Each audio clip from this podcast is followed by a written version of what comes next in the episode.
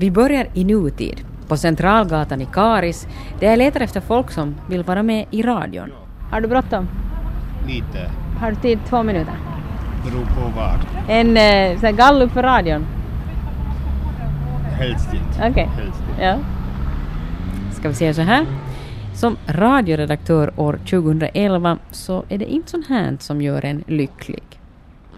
Men lyckan kommer och lyckan går och efter en stund så fick jag nog tag på såna som ville vara med också. Men det är alltså just lycka det ska handla om, för 400 år sedan. Kristina Savin heter en forskare inom idé och lärdomshistoria vid Lunds universitet i Sverige. Hon har just doktorerat på ämnet lycka och olycka i 1600-talets Sverige. I flera år har hon faktiskt suttit och gått igenom gamla läroböcker, böndagsplakat, skillingtryck, andaktslitteratur och predikningar för att få fram en bild av hur människan som levde på 1600-talet såg på begreppen lycka och olycka. Du ska få höra Kristina själv berätta om det här om en liten stund. Men först ska vi sätta oss lite i rätt stämning och låta några Karisbor fundera kring vad som månne gjorde folk här lyckliga för 400 år sedan.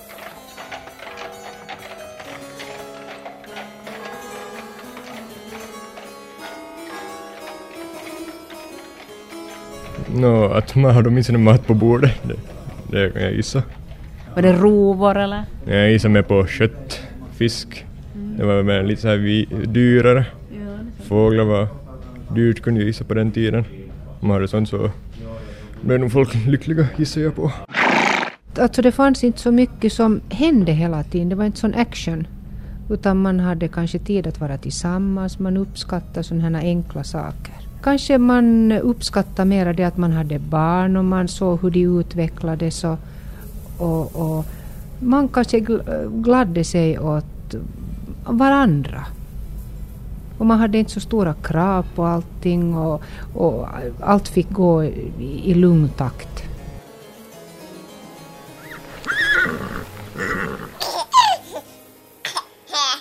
Jag tänker på kvinnor mest. Jag tycker nog att de tyckte att deras barn var...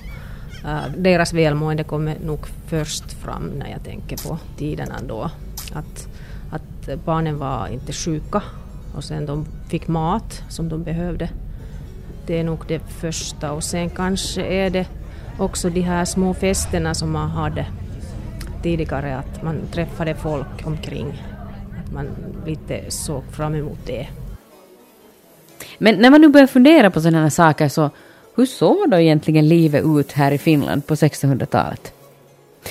Jag ger ordet till Nils-Erik Willstrand. Han är professor i nordisk historia vid Åbo Akademi och väl insatt i just 1600-talshistoria. För de flesta så var det en, en kamp för det att man skulle få, få mat på bordet.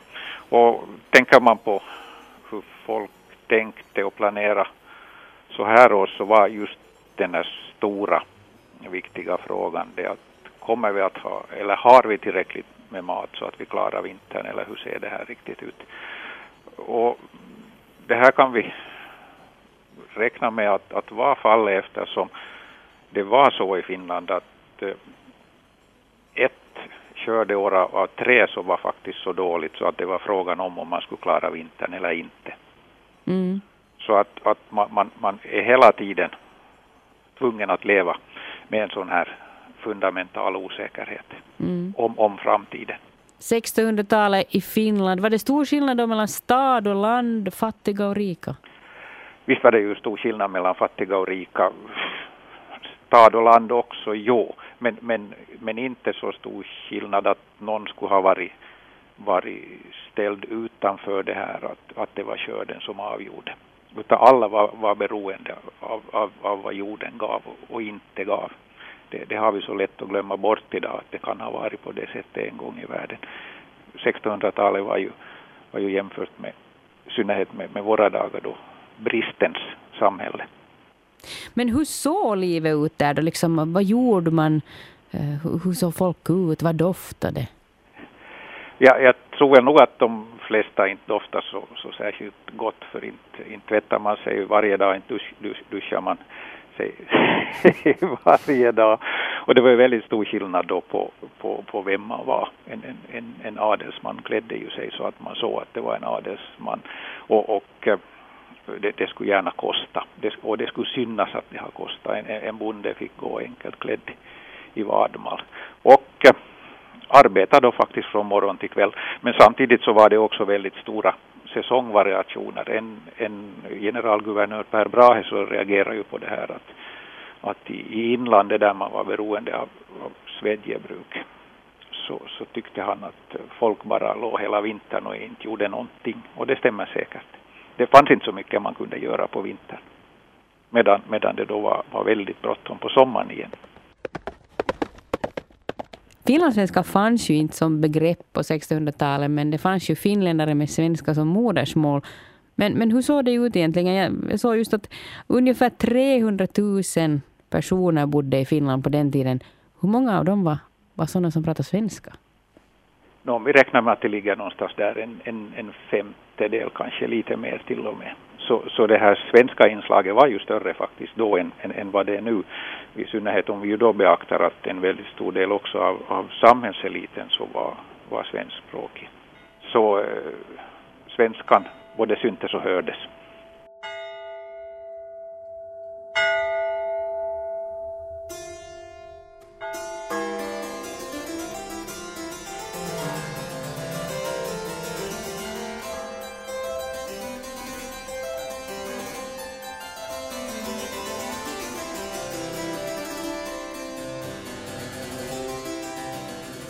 Men nu ska vi då till Lund där Kristina Savin, ursprungligen hemma från Estland men med tio år bakom sig i Sverige, har forskat i hur 1600-talssvenskarna såg på begreppen lycka och olycka. Eh, ett begrepp som eh, är centralt i min forskning är då lycka och som man kunde översätta som fortuna på latin, fortuna. Och eh, detta begrepp innebär att man föreställer sig att lyckan växlar att den, ständigt, den är ständigt i rörelse, lycka och olycka, framgång och motgång, tur och otur växlar. Och man kan aldrig ta det för givet att man, att det ska, att man ska vara framgångsrik jämt.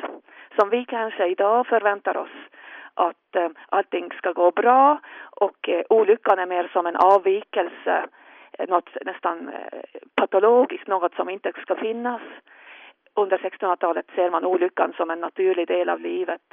Vad gjorde folk överlag lyckliga på 1600-talet? Eh, det är faktiskt intressant för att man kan se i gamla äh, självbiografier att folk lyfter fram väldigt naturliga händelser som, som och säger att det, de har varit lyckliga. Till exempel en svensk adelsstam, Agneta Horn, hon skriver i sin självbiografi att hon var väldigt lycklig över att ha både mor och far i livet det som är självklart för oss Um, många av de här händelserna som är självklara för oss lyfts fram som lyckliga, särskilt lyckliga händelser. När allting går bra, när, inga, när det är fred, um, när man inte behöver lida hungersnöd och så vidare. Nå, vad gjorde folk olyckliga? Ja, oj, det, som, det är det som gör oss olyckliga också. det, uh, allt från sjukdomar, uh, naturligtvis krig, epidemier. Det var ju häst flera gånger under den här perioden som jag skriver om. Och um, naturligtvis personliga motgångar. Det talas mycket om kors och vedermörda. Också till exempel äktenskapsproblem, osämja med eh, vänner och eh, fiender, svårigheter i arbetet. Allt, allt det som vi kan känna oss igen i. Mm -hmm. Så att, att när det gäller olyckan så är den ganska likadan på 1600-talet och på 2000-talet men gällande lyckan så finns det skillnader? Ja, det tycker jag. Ehm, att eh, olyckan, eh, att man är där, eh, det är lätt att komma åt den tidens människor. De talar väldigt mycket om sina olyckor. Kanske, skillnaden kanske är att vi idag, åtminstone i Sverige, så förväntas man vara, visa sig framgångsrik och glad och lycklig. Eh, medan på 1600-talet var det vanligare att man kunde lyfta fram sina olyckor, tala om kors och bedrövelse och hur svårt det var. Så det finns nog en, eh, en skillnad här också.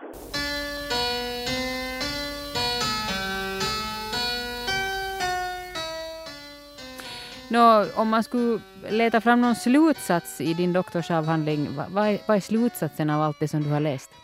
Ja, slutsatsen blir att eh, det fanns många olika förklaringar. Jag eh, arbetar mest med de här religiösa förklaringarna och visar hur de användes. Man kunde till exempel eh, tänka att eh, när det gick eh, väl för en så, så var det en eh, välsignelse. Gud hade välsignat en. Eller när man blev räddad från en olycka så kunde det vara änglar som hade räddat Eh, personen i fråga. Och när det gick dåligt vid motgångar så kunde man tänka sig att eh, Gud prövar de gudfruktiga, att prövningarna är en väg till himmelriket, att människan är, är en korsbärare som och ju större kors man har desto, desto större chanser har man att komma till himlen. Och eh, ibland kunde man också tänka sig att eh, olyckorna var oförklarliga, att eh, det var ingens fel egentligen. Att det var något hemlighetsfullt över olyckorna. Det var Gud som hade, endast Gud kunde veta varför olyckorna hände. När du har funderat på de här frågorna, hur ser du då att, att vi idag förklarar vår olycka? Ja, idag vill man ju gärna hitta någon som är skyldig. Någon person som man kan äh, ställa till, äh, ja, kanske inte ställa till rätta, men som, som måste ta ansvaret för de här olyckorna. Vi har väldigt svårt att acceptera att, eh, eh, motgångar och vi saknar också ofta existentiell beredskap. Sen eh, så har vi andra medel. Vi har ju psykofarmaka, vi har tabletter och vi har vår psykologi och psyk psykiatri som tar hand om liknande problem idag, som religionen då tog hand om förr. Men hur skulle du säga att vi förklarar lycka idag då?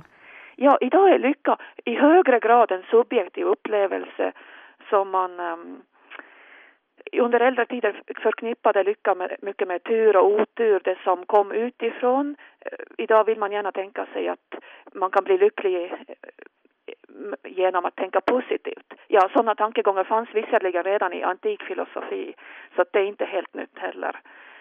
Men idag är lyckan mer som ett krav också. Man ska vara lycklig. Vi, har, vi måste leva upp till ett ideal och vara framgångsrika, glada, lyckliga. Om man eh, skulle förflytta en 1600-talsmänniska fram i tiden till våra dagar, Oj. tror du då att den i främsta hand skulle bli lycklig eller olycklig? Jag tror att de skulle bli lyckliga på ett sätt. I och med att vi har det så mycket bättre med de fysiska förhållandena, de ekonomiska också, jämlikheten. Um, men möjligtvis skulle de bli lite olyckligare av att vi inte har den här självklara, de självklara förklaringarna till våra motgångar och olyckor. De förklaringar som religionen gav och som fyllde livet med mening. Moderna forskare har ju också pekat på att det är just, just meningen, att man ser en mening i allting som gör människor lyckliga även idag.